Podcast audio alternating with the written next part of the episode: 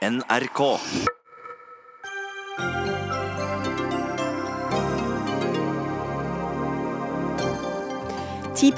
av NSBs tog på Østlandet er enten innstilt eller kjører med for få vogner. De har nemlig ikke nok ansatte, noe NSB har visst om lenge. Dette har vi advart mot mange ganger, sier Lokførerforbundet. Vil NSB lytte nå?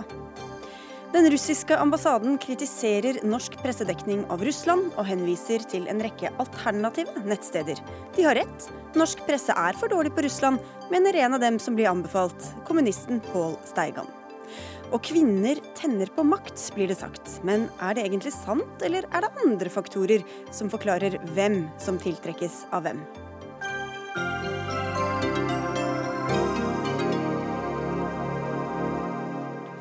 Slik lyder noen av overskriftene i Dagsnytt 18. Jeg heter Sigrid Solund. Kanskje du skal rekke jobben eller teatret eller skoleavslutninga til datteren din. Eller en legesjekk eller et fly. Men mens du står på perrongen og venter, kommer den forhatte, men akk så kjente meldinga over høyttaleren. Toget er forsinket. Men eller det kommer ikke i det hele tatt. Og når du omsider kommer om bord, må du stå tett i tett med andre passasjerer. På Østlandet er hele 10% av NSBs tog enten innstilt eller kjører med stengte eller færre vogner enn vanlig, skriver Aftenposten i dag. Grunnen? NSB mangler personell. Og ifølge samme avis, som har fått tilgang til et internt NSB-notat, dette har ledelsen visst om. Så Åge Kristoffer Lundeby, pressesjef i NSB, hvorfor lot dere dette skje? Det er slik at vi over tid har eh, måttet eh, gjennomgå kutt i bemanning. Nå har vi ikke nedbemannet blant kjørende personell, men vi har ikke evnet å etterfylle raskt nok når de har sluttet gått av med pensjon osv. Hva mener du med måttet kutte? Vi eh, går inn i en annen hverdag med konkurranse, og vi er nødt til å se om vi får blitt mer kostnadseffektive ved å rett og slett eh, se på kostnadene våre. Men hvorfor setter dere opp togavganger hvis dere ikke har personell til å fylle dem? Nå har vi hatt det frem til eh, nå. Det er eh, akkurat nå en trøbbel. Det er midlertidig litt høyere sykefravær blant lokomotivførere som eh, kan være direkte årsak til dette, annet. Men da dere la fram NSBs årsregnskap for 2017, så var det ikke det, var, altså det er ikke bare akkurat nå, akkurat i dag. Da skyldte dere på, eh, på Bane Nor og på linjefeil. Hvor rettferdig og redelig var det, syns du? Det var eh, det vi snakket om da. Det var punktlighet. Så skulle vi lagt fram det hele bildet, og det har min konsernsjef Geir Isaksen også sagt i dag til alle medier som har villet høre. Hva var det hele bildet, da? Det hele bildet er at vi trøblet med å ha nok personell. Eh, så hadde vi lite eh, utfall av personell, så det har ikke vært eh, problem før akkurat nå denne uken med innstillinger. Men vi har hatt noen stengte togvogner. Men da dere, da dere, kom med denne virkelighetsbeskrivelsen, da visste dere om at dere mangla personell? Det visste vi, og det har vi beklaget. At vi ikke kom med hele bildet. Ja, Så hvorfor gjorde dere ikke det? Vi greier ikke å, ha noen god grunn til det, rett og slett. Men vi, vi ble spurt om punktlighet, og vi snakket om punktlighet. Så, men, men, det er vel, eh, hvis toget ikke går, eh, regnes ikke det da inn under punktlighet, eller? Nei, det gjør det faktisk ikke. Det er nei, regularitet. Det, det tenkte ja. dere var irrelevant når nei, det handlet om punkt, punktlighet? Vi, vi, er åpne og ærlige på at vi skulle gjort det, men vi gjorde det ikke. Nei, men, det, det, det er vi lei oss for. Men, men, har dere ikke gått i dere selv og tenkt på hvorfor dere gjorde det på den måten? Vi eh, er i ferd med å gjennomgå alt eh, materiell som eh, var tilgjengelig. Vi var ikke tilstrekkelig oppmerksom på denne situasjonen. Oppmerksom eller ærlig? Oppmerksom. Men hvis dere visste om det, men ikke sa det, så handler det vel litt om ærlighet også? eller? Det var vel ikke alle i ledelsen som visste om det så på det tidspunktet. Så konsernsjefen visste ikke om det? Nei. Hvem var det som visste om det, da? Eh, jeg har ikke lyst til å sitte på direktesendt radio og TV og skylde på personer. Mm. Men noen i vår organisasjon var fullstendig klar over det. Og hvor lenge har disse menneskene visst om det? da? De har visst om det noen uker. I noen uker. Um, Rolf Ringdal, du er leder i Norsk Lokomotivmannsforbund. Her får vi høre at dette er en veldig midlertidig situasjon som har oppstått nå nylig. Hvor tidlig har dere vært ute og advart NSB om denne bemanningssituasjonen? Ja, Vi deler nok ikke den oppfatningen at dette er eh, bare de siste dagene. Vi har gjort NSB oppmerksom på dette her eh, et, i hvert fall et års tid. Eh, I fjor sommer gikk vi aktivt ut og sa at, at nå trenger man å ansette folk. Vi sa i høst at og dokumenterte overfor NSB med NSBs egne kan du si, interne pålegg, hvor man beordret administrative ledere som har lokførerkompetanse ut for å kjøre tog fordi det manglet folk. Man har brukt fire er over 600 dagsverk i overtid i fjor høst. Man får eh, avslag på ferie. Halvparten får ikke avviklet ferien sin pga. mangel på folk. og Dette her har man visst om i, i månedsvis, eller snart et år. Og eh, vi har skrevet om dette her i våre hjemmesider, i våre, vårt fagblad.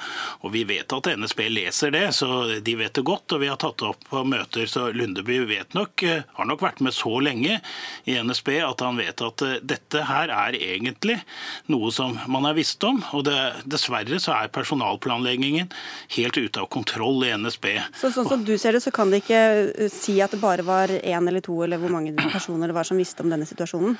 Nei, det Jeg skal ikke gå inn her og si noe om hvem ledere i NSB som vet og ikke vet. Men, Nei, men de som leser Fagbladet, burde visst om det? Ja, og de som er på møte med oss, også vet om det. Så dette, dette har de visst om. Og dette er uh, forferdelig trist, fordi vi som den yrkesgruppen jeg representerer, gjør det direkte vondt når ikke passasjerene kommer fram, eller de må vente på tog pga. innstillinger. Det er forferdelig at, at NSB ikke kan planlegge. Og det som er paradoksalt, er at det står studenter som er utdannet fra norsk jernbaneskole, som NSB har meldt inn et behov for, som de da ikke har valgt å ansette og sertifisere til å kjøre disse togene. Så man har jo egentlig kvalifiserte folk, men NSB ansetter ikke disse og sertifiserer dem til å kjøre tog. Hvis de hadde gjort det, og det har vi også sagt tydelig fra i flere måneder, og de har ikke gjort det, da hadde saken vært løst. Da hadde det vært nok lokførere til å kjøre togene. Og hvorfor har dere ikke lyttet da? Men Ringdal, du vet også at uh, dette er i ferd med å endre seg nå?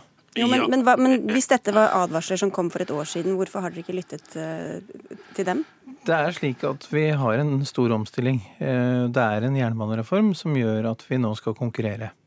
Og vi ser nå på muligheten for å ta ned reserven. Det er, eh, all turnus eh, bygger jo på en viss reserve. Og når eh, man gjør det, så må man finne den balansen. Men, og, og, her er vi faglig uenige med, med bl.a. Lokmannsforbundet, hvordan den balansen skal Ok, Så de vil ha flere ansatte i, i bakhånd, for å si det sånn, enn det dere ønsker, for å si det enkelt? Ja, det, ja, det er en enkel men, men, men, men til, jeg, må, jeg, må, få lov å kommentere ja, okay. dette her. Fordi dette går ikke på nødvendigvis å være faglig uenig, men dette går på at man har fokus på andre ting enn at togene skal gå. Dette går på at man har fokus på kostnadskutt og glemmer helt hva er det man egentlig driver på med, nemlig å kjøre tog.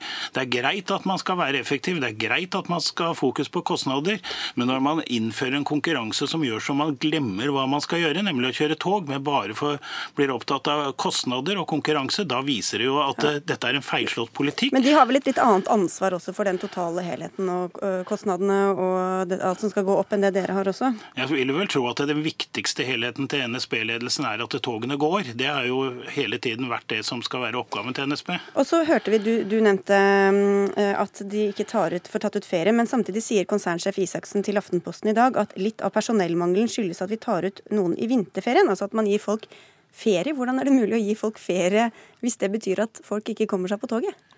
Det er en vanskelig balansegang, og vi har, eh, vi har måttet gi noen ferie. Det er eh, familieliv som skal gå opp her også, og vi, vi har en erkjennelse av at vi har hatt et noe høyere sykefravær. Men kan ikke folk stole på det som står i togtabellen, da? Det er det som er problemet, og det er det vi er lei oss for i dag. Men, da, men, det er jo en prioritering fra dere om dere velger å gi folk ferie, eller om dere velger å la togene gå sånn som det står at de skal? Men uh, også lokomotivførere er familiemennesker som uh, har fått innvilget ferie, og vi kan ikke trekke de tilbake når, når, dette problemet men, men, det, men det er jo hyggelig at vi er, er familiemennesker og mennesker med, som er omfattet av ferieloven, men alt dette er, er, jo ting NSB er klar over. Man har ferie, man har fem uker ferie, man har krav på ferie og får avviklet sin ferie. og Da er det ikke urimelig at man også har en personellplanlegging som tar høyde for at togene også går år, selv om man har lokomotivførere som også skal ha ferie. Så, så, hver gang så det er jul eller sommer eller påske eller vinterferie eller høstferie, så kan folk glemme å stole på togtabellen, eller? Nei, det er jo det vi må planlegge for, at de skal alltid stole på togtabellen. Gro Martnes, du er leder for Spikkestadbanens pendlerforening, og denne banen går fra Asker til, eh, til Stikkestad? Spikkestad? Spikkestad, Spikkestad sto litt feil her. Det er mange som pendler og bruker denne toglinja. Mm. Eh, hva synes du om eh, de forklaringene du hører her? Altså for de som pendler, så er jo forklaringa på hvorfor man ikke kommer seg på jobben ganske irrelevant. Folk må på jobb, de må hjem igjen for å hente i barnehagen. Eh, og det er en hel masse andre ærender som blir vanskelige. Eh, og det er klart at vi har levd med mange problemer som i stor grad har skyldtes Bane NOR tidligere, men det er ikke noe ukjent for oss at tog blir innstilt pga. personellmangel. Ja, Så her er det flere som har skylda. Ja. Men hvor mange mennesker er det som har kommet for seint fordi at dere ikke har planlagt godt nok? Veldig vanskelig å si. Har dere noe anslag på det? Nei. Nei. Hva slags, eh, Når dere da f.eks. gir folk ferie, da, eller ikke planlegger godt nok, hva slags ringvirkninger får, får, det egentlig for alle som ikke kommer seg til flyet, alle som ikke kommer seg på jobb, alle som ikke får henta i barnehagen?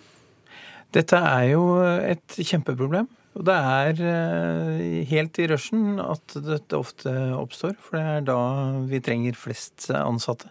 Det, og det er da man reduserer som mest på morgenen. Ja, Så dette får jo kjempestore konsekvenser for ja. næringsliv og for mennesker. Hva slags konsekvenser får det for dere i NRK? Nei, i NSB?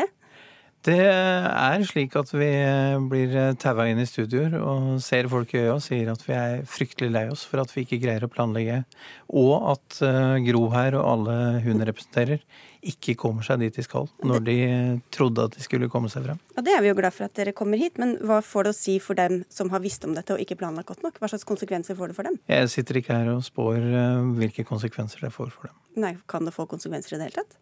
Vil ikke uttale meg om det. Nei.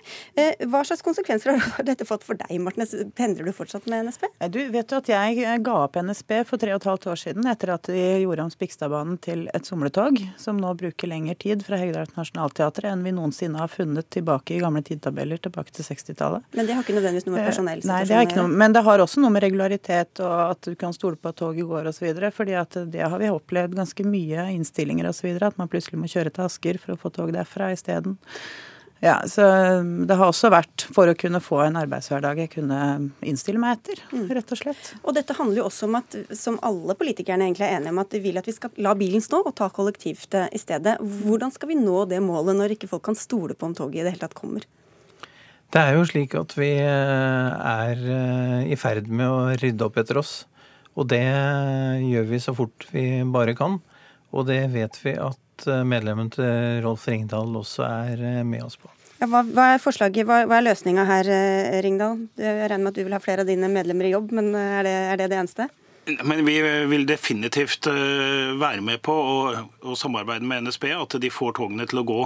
Vi vil stille opp og gjøre det som er nødvendig, både for å få en bedre personalsituasjon på kort sikt, gjennom at vi inngår et samarbeid med NSB. Hva det skal være, skal ikke jeg ta over lufta nå. Men, men det, det, står folk klare til å ta disse spesialiserte jobbene? Ja da, og vi har, eh, har eh, ferdig utdanna folk fra jernbaneskolen som kan gå inn og gjennomføre en intern opplæring, og så bli sertifisert. Så dette dette vi, står vi klar for å, å, samarbeide med NSB. og Det er vel kanskje en av konsekvensene NSB må ta, at de faktisk nå tar inn ø, folk. De gjør avtaler med oss, og de får togene til å gå sånn så pendlerne kommer både til jobb og fra jobb sånn som de skal. Da er det bare å begynne å ringe, da. Der har vi et felles mål eh, alle rundt bordet, tror jeg. Dere, Tusen takk skal dere ha alle tre for at dere kom. Åge Kristoffer Lundeby fra NSB, Gro Martnes som er leder altså i Spikkestadbanens pendlerforening, selv om du ikke er pendler lenger selv, eh, på den banen i hvert fall, og Rolf Ringdal fra Norsk Lokomotivmannsforbund.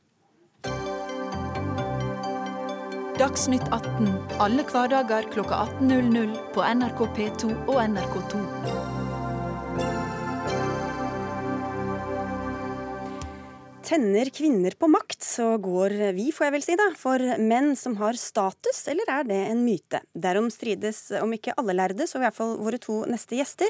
Nina Kristiansen, du er ansvarlig redaktør i forskning.no, og i en spalte i Aftenposten gikk du ut mot denne oppfatninga av at kvinner eh, automatisk tiltrekkes, eller i hvert fall tiltrekkes eh, av mektige menn. For å begynne med forskninga, som er det du eh, driver med. Hvor entydig er forskninga på dette feltet? Nei, Det var det jeg egentlig var utgangspunktet mitt. da. Jeg er jo forskningsjournalist, og stadig vekk så så jeg i mediene at i metoo-debatten at det, menn med makt det er noe kvinner tenner på.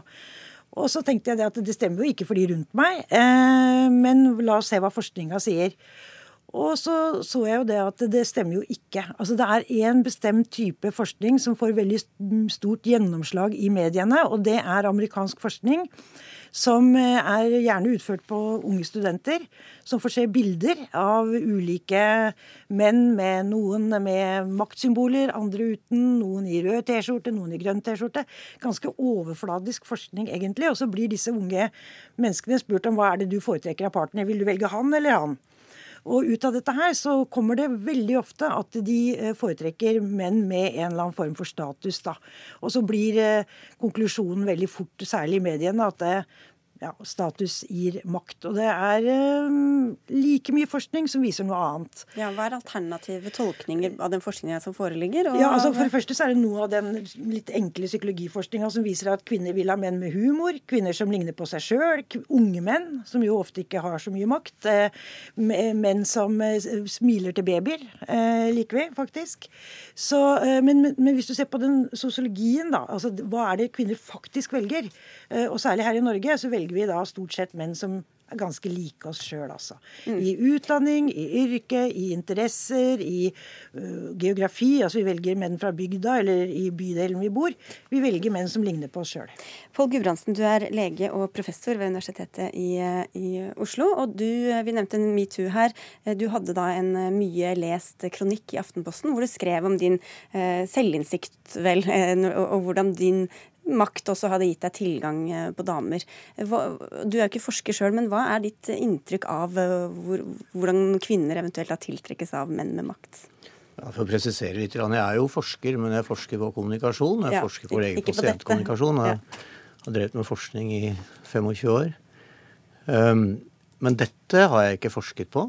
Her, eh, og grunnen til at jeg skrev det jeg skrev, det var metoo og alt det som kom frem i forbindelse med metoo. Og, og en viss fortvilelse over uh, at det var ingen menn som skrev noe om hvordan det er å være i posisjon. Og så har jeg brukt begrepet makt, fordi jeg, i vid forstand, da. Makt er uh, kan, Man kan legge mye i det. Både formell makt, posisjonsmakt.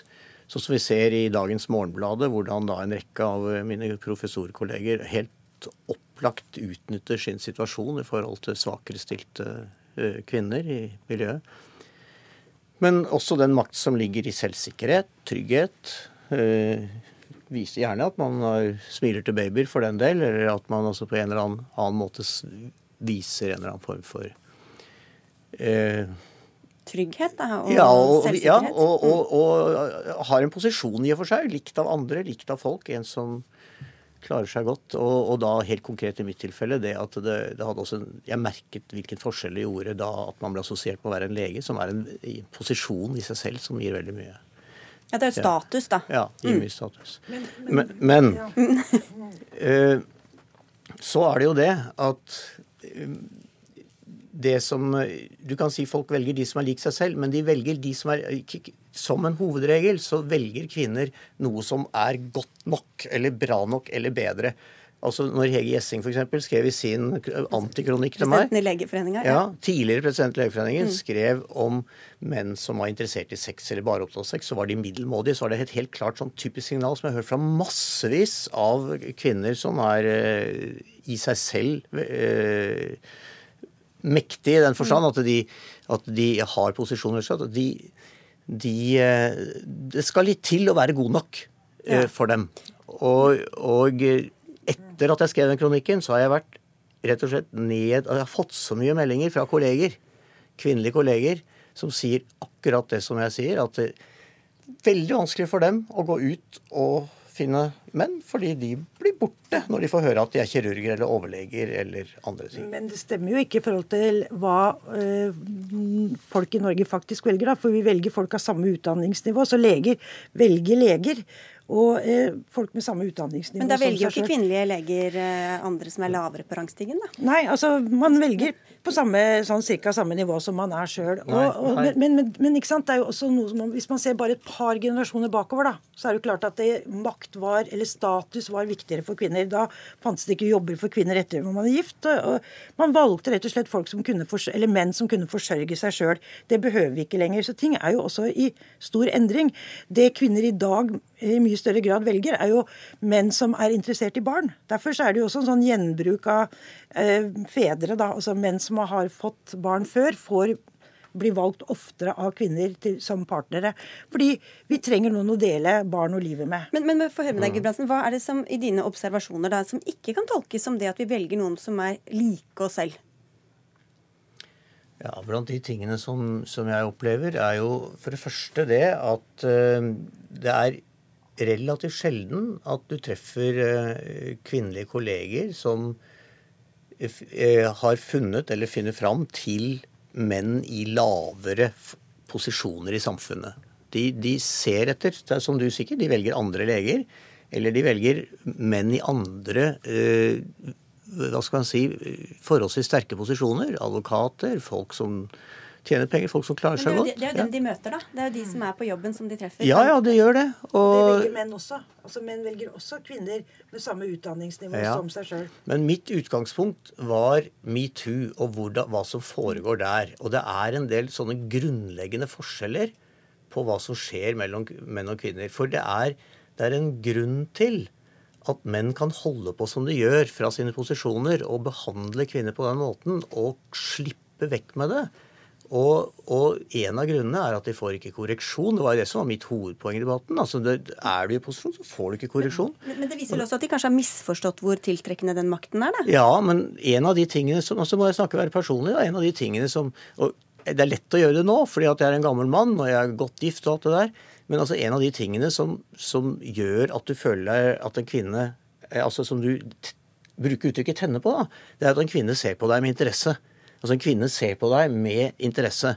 Og når du da er i posisjon, så kan det godt være overveiende sannsynlig at hun gjør det fordi du er i posisjonen, altså av interesse for deg, av det du står for, det du kan, det du utøver.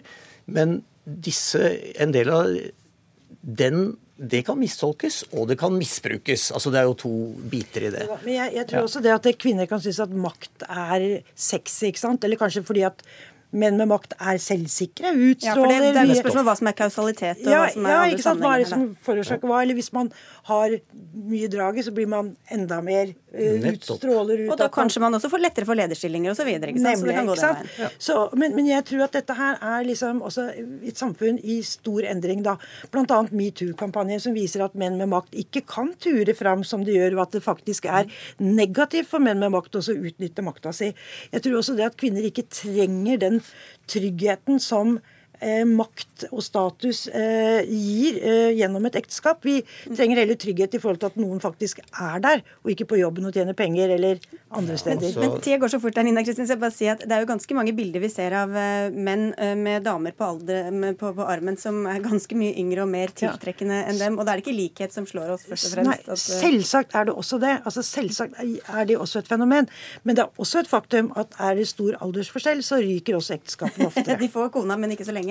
Ja, nå ryker jo halvparten av alle ekteskapene. Og jeg tror at en av de tingene vi gjør feil, eh, det er at vi ikke seriøst nok diskuterer hva som ligger i bånn, og som driver oss. Eh, og at vi tenker at tiltrekning og tenning er det samme ja. som kjærlighet. For du kan tenne på en som er makt uten at du nødvendigvis gifter deg med han Nettopp. etterpå. Ah, okay. Dere, og vice versa. Denne debatten får fortsette i kjøkken og stuer rundt omkring det ganske land. Takk skal dere ha begge to, Pål Gudbrandsen, lege og forsker, og Nina Kristiansen, som er ansvarlig redaktør i forskning.no.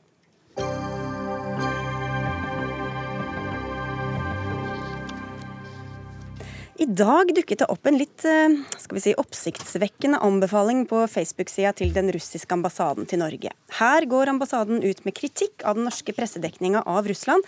Særlig får nettavisa Aldri mer ennå gjennomgå. Samtidig henvises interesserte til alternative nettsteder som Resett.no, bloggen til den kristenkonservative debattanten Hanne Nabintu Hærland, og nettstedet til kommunisten Pål Steigan for alternative, mer positivt vinkla nyheter. Kjetil Stormark, du er redaktør av nevnte nettavis aldrimer.no. Dere skriver om forsvars- og sikkerhetspolitikk primært, og bidrar til antirussisk hysteri og kommer med urimelige og grunnløse beskyldninger mot Russland, bl.a., skal vi tro ambassaden. Hva syns du om den attesten? Ja, det er jo, hvis man tenker på hva diplomater har for vane å kommunisere, så er det jo ganske sterk kost. Men kanskje ikke så sterk kost i forhold til hva den russiske utenrikstjenesten har eh, kommunisert de eh, siste par åra, eh, som òg har blitt karakteristikker til andre mediers del. Så jeg er ikke så fryktelig satt ut. Jeg registrerer at man er veldig opptatt av at vi har gått inn på kommentarplass for at det skal bli økede rammer på det norske forsvarsbudsjettet, som man kommuniserer at man er mot. Man mener at det vil fungere negativt i den bilaterale relasjonen mellom Norge og Russland. Ehm, så dette inngår nok i en politisk kontekst, eh, slik jeg opplever det. Syns du det treffer? Nei, jeg syns ikke det. Ehm, eh, det er alltid slik med journalistikk, som vi utøver og som andre utøver, at den kan bli mer presis, mer kunnskapsrik, mer balansert. Og Det jobber vi med eh, løpende og daglig. Vi prøver å være ydmyke på at det alltid er noe mer vi kan lære. Men grunnleggende sett så eh, tror vi har begge beina planta godt på jorda i forhold til eh, de vurderingene vi har gjort eh, og den journalistikken vi utøver. Pål Steigan, du er kommunist og mange kjenner deg som leder av eh, AKP-ML gjennom mange år tidligere. altså. Nå driver du en av disse bloggene det blir henvist til. Hvorfor tror du russerne er så begeistra for deg? Det begeistra er jeg ikke så sikker på. Jeg har tenkt over dette i løpet av dagen etter at jeg så denne meldinga. Jeg skulle kanskje uh, føle meg litt stolt, men egentlig syns jeg det er litt trist. Jeg syns det er et uttrykk for at russerne opplever at vi, de er i en kaldkrigssituasjon, at vi er i en kaldkrigssituasjon. Dette er vår største nabo, uh, og at de opplever at norske medier er så ensidig negative til Russland, syns jeg er urovekkende. Og det Vi er i en situasjon som de vurderer som veldig farlig. Eh, Vladimir Putin sa på Valdai-klubben at eh, han gjentatte ganger har sagt til vestlige ledere at dere må være klar over at denne militære opptrappinga, den politiske opptrappinga mot Russland, kan utløse en storkrig. Og han sa, han sa de hører ikke på meg. Og Dette syns jeg er veldig urovekkende. Vi er inne i en ny kald krig. Dette kan utløse en storkrig. Og da har mediene et ansvar for å bringe fornuft inn i samtalen og roe ned gemyttene. Så hva mener du er den største forskjellen på din nettside og f.eks. aldri mer.no eller andre norske nettsider og, og medier? Jeg, jeg, følger ikke med på aldri mer.no, så det kan jeg ikke si. Jeg følger en del med på NRK, og jeg syns dere er veldig ensidige. Jeg syns dere er veldig lik amerikanske medier. Å se Dagsrevyen er dessverre en lidelse. Uh, hvor dere altså bruker Al Qaida-allierte White Helmets som eneste kilde og vil ikke engang høre på kritikk. Dette, dette, er alvorlig. Jeg har jo opplevd den kalde krigen, den forrige kalde krigen. Og dette ligner veldig på McCarthyismen. Dette ligner på dette her hysteriet. Nå er jeg klar over det at nå sier kongressmedlemmer i USA at det såkalte Russiagate er like alvorlig som, som Pearl Harbor. Pearl Harbor utløste amerikanernes innmarsj i den andre verdenskrigen. At de sier at det er grunnlag for krig mot Russland. Okay. Dette er jo galskap. Ja, skjønner du. Takk skal du ha foreløpig. Lene Wetterland, du er leder av russlandsavdelinga ved Den norske Helsingforskomité. Hva, hva syns du om at, at ambassaden kommer med denne oppfordringa?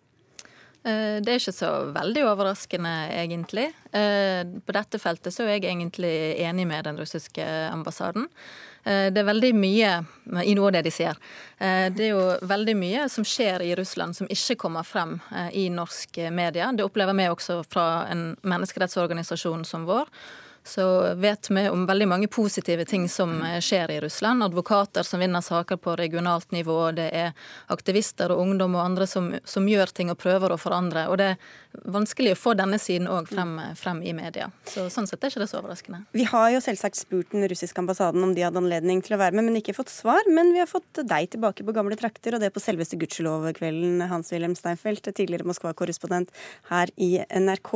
Gjennom 18 år. Godt å ha deg her igjen, da. Er du enig i denne nådeløse dommen fra, fra ambassaden og Steigan og delvis Vetland? Men, men får jeg lov å si en liten ting først? Det er viktig å være klar over hvem vi er enige med, og hvem vi er uenige med. Fordi jeg sitter både med den russiske og den eh, norske pressemeldingen. Det er ikke ambassaden som har sendt dette ut. Det er Midrasi, det er russisk UD. Eh, gjør det mer alvorlig, naturligvis. Men Sigrid, kan ikke jeg få lov å vise en helt ny bok som jeg har med forfatterens dedikasjon? Mikhail Gorbatsjov, hvis dere får den med i kamera. Den kom i november. Jeg eh, forblir optimist, heter boken. Og Der skriver Mikhail Gorbatsjov en forferdelig karakteristikk av Putins Russland. Han skriver det er blitt en allment akseptert diagnose at den russiske stat degraderes og samfunnet demoraliseres. Sitat Gorbatsjov. Slutt. Jeg har ikke hørt noe så forferdelig om Russland siden Ronald Reagan på for, foråret 1981 kalte det for det ondes imperium. Så jeg tror at russisk UD uh, legger ikke så stor vekt på hva stalinisten Pål Steigan sier, men russisk UD har hentet frem analene og instruksene fra den kalde krigen når de kjører ut mot Jeg er ikke opptatt av bloggene deres, men jeg er opptatt av sentrale norske medier. Og NRK. Oi, nå kommer det. I programmet Torp på tirsdag satt Norges forrige etterretningssjef, generalløytnant Kjell Grandhagen, og sa følgende Russlands forsvarsdoktrine, militærdoktrin, er defensiv, og egentlig tar russerne bare vare på sitt eget territorium, ble målbåret av denne generalen gjennom NRK. Han ville ikke sluppet så lett fra det i Kiev, men å si at dette er russofobisk, det er vrøvl Mm. Og det står en del vrøvl i denne pressemeldingen. Ja. Vetteland. Er du, er, du, er du, enig? Altså Her virker det jo da som om eh, det er andre enn amerikanerne og NRK som er for, eh, for eh, kritiske mot, mot, eller kritiske mot Russland. da.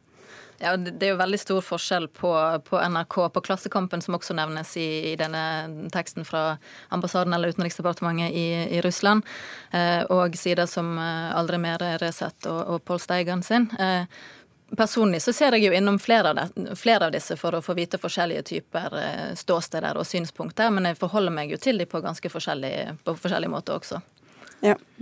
Altså, jeg har jo konstatert over tid at eh, den, den russiske utenrikstjenesten har en litt sånn bølletilnærming i forhold til måten man forsøker å skremme omverdenen til underkastelse. Det er jo ikke veldig lenge siden den russiske ambassadøren i København eh, truet med eh, atomvåpen eh, mot eh, Danmark. Eh, og det, og det, er veldig spesielt altså hvis man prøver å se for seg at den norske ambassaden i Moskva kommer med anbefalinger og frarådinger til det russiske folk, og hvilke mediekanaler de burde og ikke burde lese, så fremstår det litt smått absurd i dette.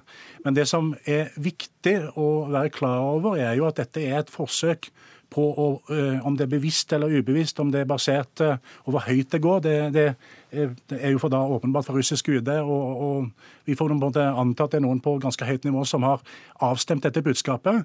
Og under dette så ligger jo et ønske om å påvirke norsk opinion og påvirke norsk politikkutvikling. Ja. Eh, og i så måte så føyer dette seg inn i et litt større mønster. Og bare en liten kommentar til.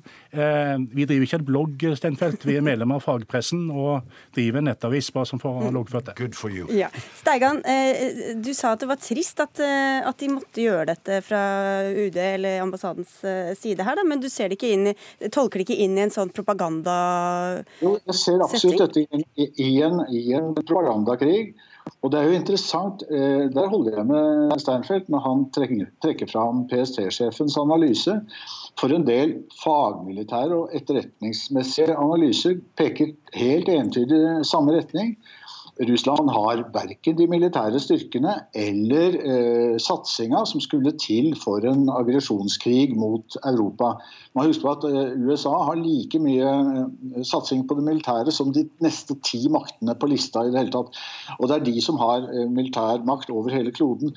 Så eh, Russland er defensivt. De ønsker å forsvare sitt territorium. Naturligvis er det en stormakt. Naturligvis har de eh, imperieinteresser. Men de truer ikke Norge. og denne, denne hetsen om at vi er trua av, av, russerne, den bygger opp under en krigssituasjon. Altså, den skaper du kan si, den psykologiske forutsetninga for krig. Og Dette burde dere i mediene være opptatt av. Dere burde kritisere sånt. De, på 50-tallet hadde vi tross alt Dagbladet, som, som hadde, hadde, en fornuftens stemme.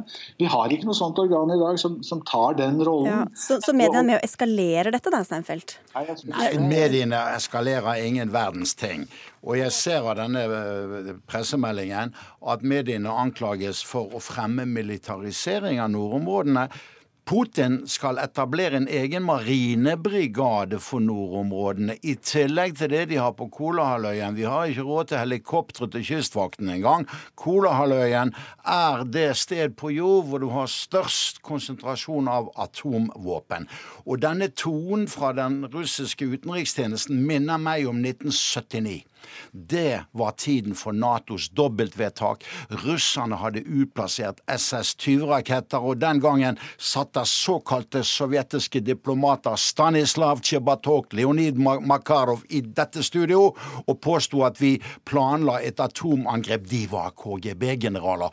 Hva skriver Mikhail Gorbatsjov? Nato hadde rett. Russerne satte både verdensfreden i fare og Europa i fare ved å utplassere SS-20-rakettene. Det skriver Sovjetunionens siste president og den siste generalsekretær i kommunistpartiet. Nato hadde rett, Sovjetunionen tok feil. Så jeg tror at Pål Steigan skal være litt forsiktig med å minne om den kalde krigen. I hvert fall burde Putin være forsiktig med det. Her er det i hvert fall uh, mye bokanalyse, mye bok bokanmeldere. Det er en primærkilde, Sigrid. Ja, ja, ja, ja, ja, det er helt topp. Uh, men uh, Wetterland, denne, denne, norske mediedekningen av Russland, da, som er utgangspunktet her, hvordan leser Jeg vet ikke hvor opptatt akkurat den jevne russer er av hva norske medier skriver, men hvordan blir det lest av, av dem som faktisk bryr seg? Det plukkes jo ut altså Ting som skrives i norske medier som er rettet mot Russland, kan plukkes ut av Utenriksdepartementet, av ambassader, av nyhetskilder i Russland, og så kan de utheve det som de mener understreker det bildet man vil ha av Norge. da. F.eks. dette med ja, pedofiliringer og hvordan barnevernet stjeler russiske barn osv. Så, videre. så eh, det er mye av dette som kan på en måte vris og vendes om. Og det er det jo også med disse altså nettsider og blogger og andre som bygger opp under den her, russiske her, her, har det vært mye misforståelser når det gjelder akkurat barnevern og alt mulig dette tingene. Men mm. bare til disse nettstedene som vi nevnte, mm. Resett.no, eh, den kristenkonservative debattanten Hanne Nabintu Hærland, eh, idéhistoriker Bjørn Nistad bl.a., som altså blir trukket fram. Hva slags, hva slags fellestrekk har det? Det er jo veldig ulike ikke, det er vanskelig å sette det inn i en eller annen sånn eh, sammenheng. Hva slags fellestrekk har disse nettstedene? Uh, ja, Fellestrekket kan jo, kan jo, være at de nettopp bygger opp under deler av den russiske ja, propagandaen, diskursen om hvordan uh, Norge er, og hvordan samfunnet og verden burde være. Uh, om det er kristenkonservativt, eller om det er hvordan verden ser på Russland, hvordan Russland må forsvare seg sjøl mot ytre fiender osv. Så, videre. så det som skrives i norsk media, plukkes jo opp og brukes av de som, av de som vil. da. Bare høre med deg, Steigan, hva du syns om selskapet du havnet i? Er ikke så bekymra for det. Det eneste vi har felles, egentlig, er at vi gir ut uh, sakene våre på nett. Ellers så er jeg og Resett er jo uenige om mange ting. F.eks. når det gjelder et helt annet konfliktområde. Jemen. Ja. vi holder oss til Russland, da.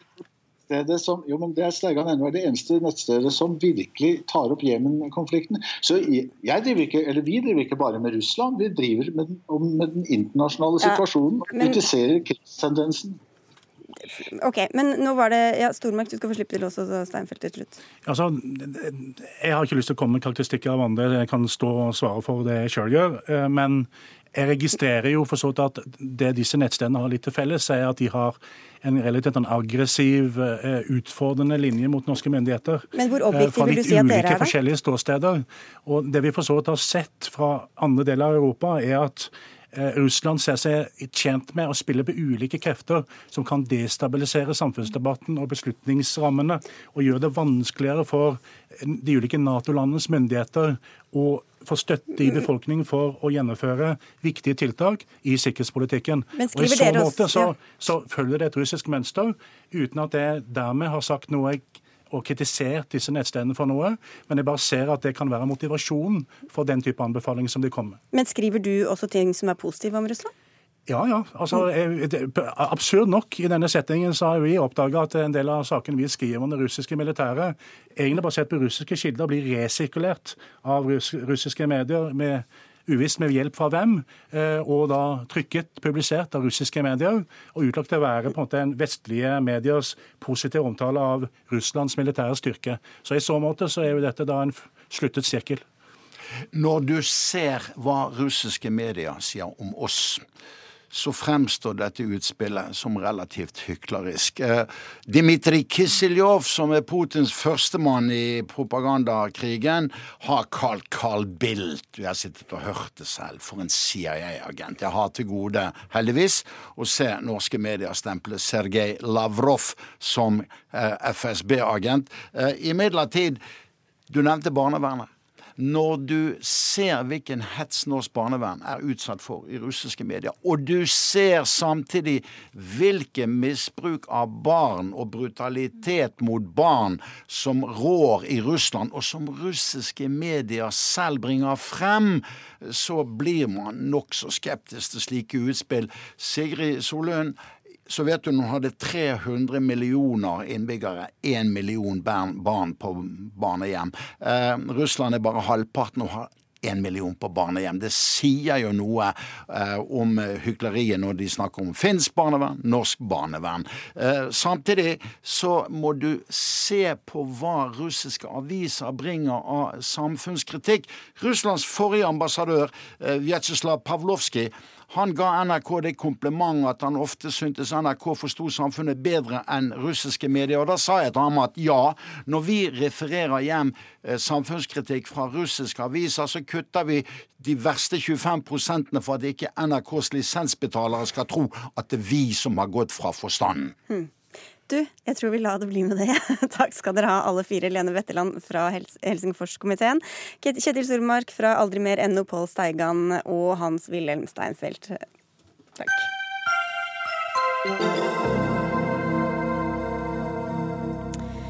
Eldre, engstelige menn isolert fra omverdenen, den snille naboen eller gutten i parallellklassen. Vi har mange bilder i hodet når vi snakker om hvem som begår seksuelle overgrep mot barn.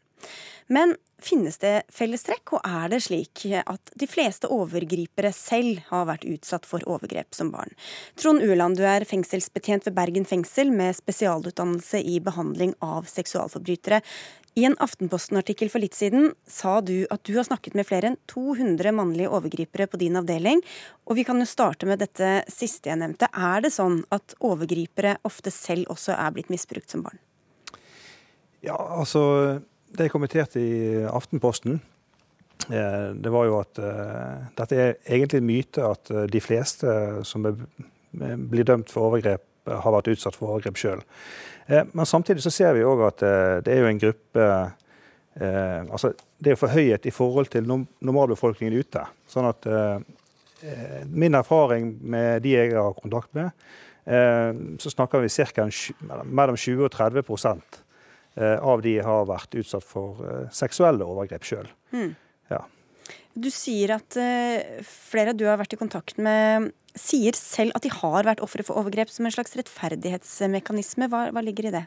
Ja, altså Hvis vi skal tenke tallet på de som sier at de har vært utsatt for overgrep i første møte, i første kontakten vi har med de, så er nok tallet litt høyere enn de 20-30 prosentene. Eh, da kan det hende at eh, nærmere 50% eh, sier dette her. Når vi blir kjent med de og kommer litt innpå, så ser vi at for noen av de så har de nok tenkt at dette er en gammel myte. Hvis jeg kan rettferdiggjøre det jeg har gjort med at ja, jeg, jeg har sjøl vært utsatt, så kan det være en forklaring. For noen av de så er jo det litt av bildet. Altså, det er veldig komplekst, det som leder fram til det å begå seksuelle overgrep. Og for noen av de eh, så har de nok utfordringer de bærer med seg i livet. Eh, som har startet med at de sjøl har vært utsatt for seksuelle overgrep. Eh, tidligere, når jeg begynte i feltet for ti år siden, ni år har jeg jobbet på denne avdelingen, så litt, hadde jeg nok en forventning om at det var flere som var offer sjøl av de som ble dømt for overgrep. Men det, det har jeg sett at det, det er mye mindre tall enn det som jeg hadde forventet.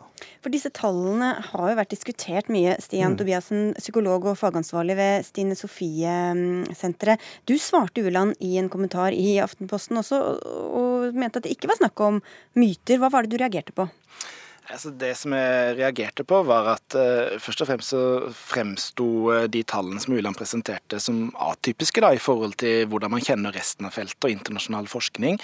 Uh, så mitt behov var først og fremst å uttrykke at om det så er tilfellet i Ulands empiri, at det er, at det er en myte der, at de som utsetter for overgrep ikke er utsatt, så vil jeg i hvert fall bredde det bildet ved å vise at annen forskning og andre tall fra andre steder viser at bildet er litt annerledes. Ja, hva slags bilde tegner det? Nei, altså, det, det, er mange tall man kan referere til her. NKVTS, som er Nasjonalt kompetansesenter om vold og traumatisk stress, er jo eh, en av de aktørene vi støtter oss på i oppsummeringsforskning på dette området. og Der viser internasjonale oversiktsstudier at uh, blant unge gutter som begår seksuelle overgrep, så er mellom 19 eh, og 49% selv vært utsatt for overgrep. Og de tilsvarende tall for jenter er 50-100 hmm. Hvorfor, Uland, er det viktig om hvorvidt, altså, hvilke tall som steller, og om, stemmer og om dette er en myte at hvis du blir begått overgrep mot, så er det mye større sannsynlighet eller risiko for at du også begår overgrep. Eh, myten går jo på at eh, tidligere så var det mange som snakket om at eh, de fleste overgripere har vært utsatt for seksualovergrep. Og og det er det som jeg, jeg tenker er en myte. Men nå, nå hører jeg at eh, han eh, refererer til tall på, fra 19 til eh, bortimot 50% og hvis jeg tenker at det ligger på rundt 30% så er vi er egentlig, ja. egentlig enige. Men, men, eh, men, men hvis, vi tenker, hvis, vi vier ut begrepet på det å ha vært utsatt for andre former for krenkelser, altså ikke bare seksuelle overgrep, men omsorgssvikt og vold, og vitne til vold, eh, så øker tallet betraktelig. Eh, vi ser jo det når vi begynner å jobbe med disse som har begått seksuelle overgrep, at det ligger veldig mye ting tilbake i tid. Men det å være utsatt for seksuelt overgrep, det vil ikke si at du er veldig høy på risiko for å bli overgriper sjøl. Eh, jeg vil ikke at disse barna som blir utsatt for overgrep, skal måtte få et sånt farlighetsstempel på seg at eh, dette kan være potensielle overgripere en gang i framtiden. Mm. Eh, får de korrekt, korrekt, hjelp og får de oppfølging og blir de tatt på alvor, så vil jo de aller fleste som er utsatt for overgrep, ikke bli overgripere sjøl. For det, Tobiasen, Man kan jo spørre seg hva det gjør med ofrene, både om de får høre dette, og om det eventuelt kan bli en slags form for selvoppfyllende profeti i det. Ja, og det er helt klart eh, et viktig moment i dette. Når man tar den diskusjonen, så må man ta den grundig. Eh, og det som er helt eh, hevet over enhver tvil, det er at på langt nær alle utsatte, utsatte blir overgripere, men det er en stor andel av overgriperne som er utsatte. Og det er et kjempeviktig budskap. Og jeg tror ikke verken jeg eller Uland er uenig i akkurat det. Og vi kan jo gjøre dette til en debatt om tall og hvem har rett og ikke rett. men men det viktigste er at eh, man prøver å nyansere dette bildet. Da. Og Det viktige er vel også at vi kan vite hva som er faresignalene, sånn at vi eh, klarer å eh, forhindre disse overgrepene. Så Tobias, for å begynne med deg, hva er det vi skal se etter for å, for å ta tak i de folka som er eventuelle, altså potensielle misbrukere sjøl? Ja, altså, ja, altså det, det, er jo mange sårbarhetsfaktorer som man må legge til grunn. og altså En av de er jo absolutt at uh, de har belastninger tidlig i livet. Det kan være overgrep. Man vet at sannsynligheten øker uh, med ganske mange prosent når du selv er utsatt, men det er likevel ikke ensbetydende med at man blir overgriper. Det er viktig å si. Det andre er jo uh, hvordan kontakt de har med jevnaldrende, hvor, del, hvor, stor del de er av det sosiale miljøet osv. Jeg kan på generelt grunnlag si at mennesker som blir på en måte isolert til små grupper og tilført en viss mengde skam og tabu, det er et faresignal i seg sjøl. Mm. Og det er jo, bare for å presisere det, for å komme inn med enda et tall, rundt 10-12% av dem som blir utsatt for seksuelle overgrep, som faktisk gjentar forbrytelsen. Um, Uland, stemmer ikke det? Noe sånt? Ja, det kommer litt an på hvilken type forskning du, du ser på. Ja. Eh, her i Norge ikke, har vi ikke forsket så veldig mye på det. Men i hvert fall eh, ikke, liksom de færreste som gjør det. Men hva er det som, eh, hva er det som utløser det? Hva er det man kan gjøre for å forhindre at, at de som er utsatt for enten seksuelle overgrep eller andre krenkelser som små, ikke gjentar ugjerningene? Eh, det som er min jobb i, i Bergen fengsel, i, sammen med psykologer fra, fra Helse Bergen, det er jo at vi, vi, jobber med de som har vært dømt for seksuelle overgrep, eh, med tanke på å redusere risikoen for, for tilbakefall eller nye, nye overgrep. Eh, og Vi har erfaring gjennom de 20 årene vi har drevet i Bergen fengsel, at, eh, at vi har få som kommer tilbake med, med ny dom. Det, og Da tenker vi at det har noe for seg, den den behandlingen som vi gir. Det er ganske omfattende egentlig å kunne peke på noen enkeltfaktorer på hva som skal til for, for å hjelpe disse til å ikke begå, begå nye overgrep. Mm. Men det finnes forskning på, som vi støtter oss til i utlandet, som, som, kan adressere noen av de risikofaktorene som vi, vi avdekker i, i, vår jobbing nå. Mm. Eh, og annet det å, å, å, bruke god tid på disse når de er motivert for, for endring. Eh, og behandle de som mennesker og, og, på en respektfull måte eh, har jeg god tro på eh, er viktig for å få integrert i et samfunn på en god måte. Eh, så Det er nok en av nøkkelfaktorene jeg tror vi i Bergen har, har lykkes med. For på den avdelingen de er på, eh, så er de sammen med andre domfelte som er dømt for helt annen type kriminalitet. Eh, og det at de, vi, klarer, klarer, de klarer å omgås sammen, det tror jeg har en god effekt. For det, de ser på seg sjøl og bygge seg opp som mennesker, og ikke som overgripere. Mm. Ja. Tobiasen, vi er snart tomme for tid, men har du noen andre eh, råd for å si det sånn, for å forhindre da, at noen skal bli framtidige overgripere? Ja, Man må snakke med barn om grenser. Man må snakke med barn om hva som er normal atferd, hva de får lov til. Hva er mine grenser, hva er dine grenser? Og man må være gode forbilder i forhold til det å modellere god og sunn atferd. Det er viktig. Mm. Takk skal dere ha begge to, Stian Tobiassen, som også er psykolog og fagansvarlig ved Stine Sofie-senteret, og til Trond Uland fra Bergen fengsel. Hør Dagsnytt 18 når du vil Radio NRK NO.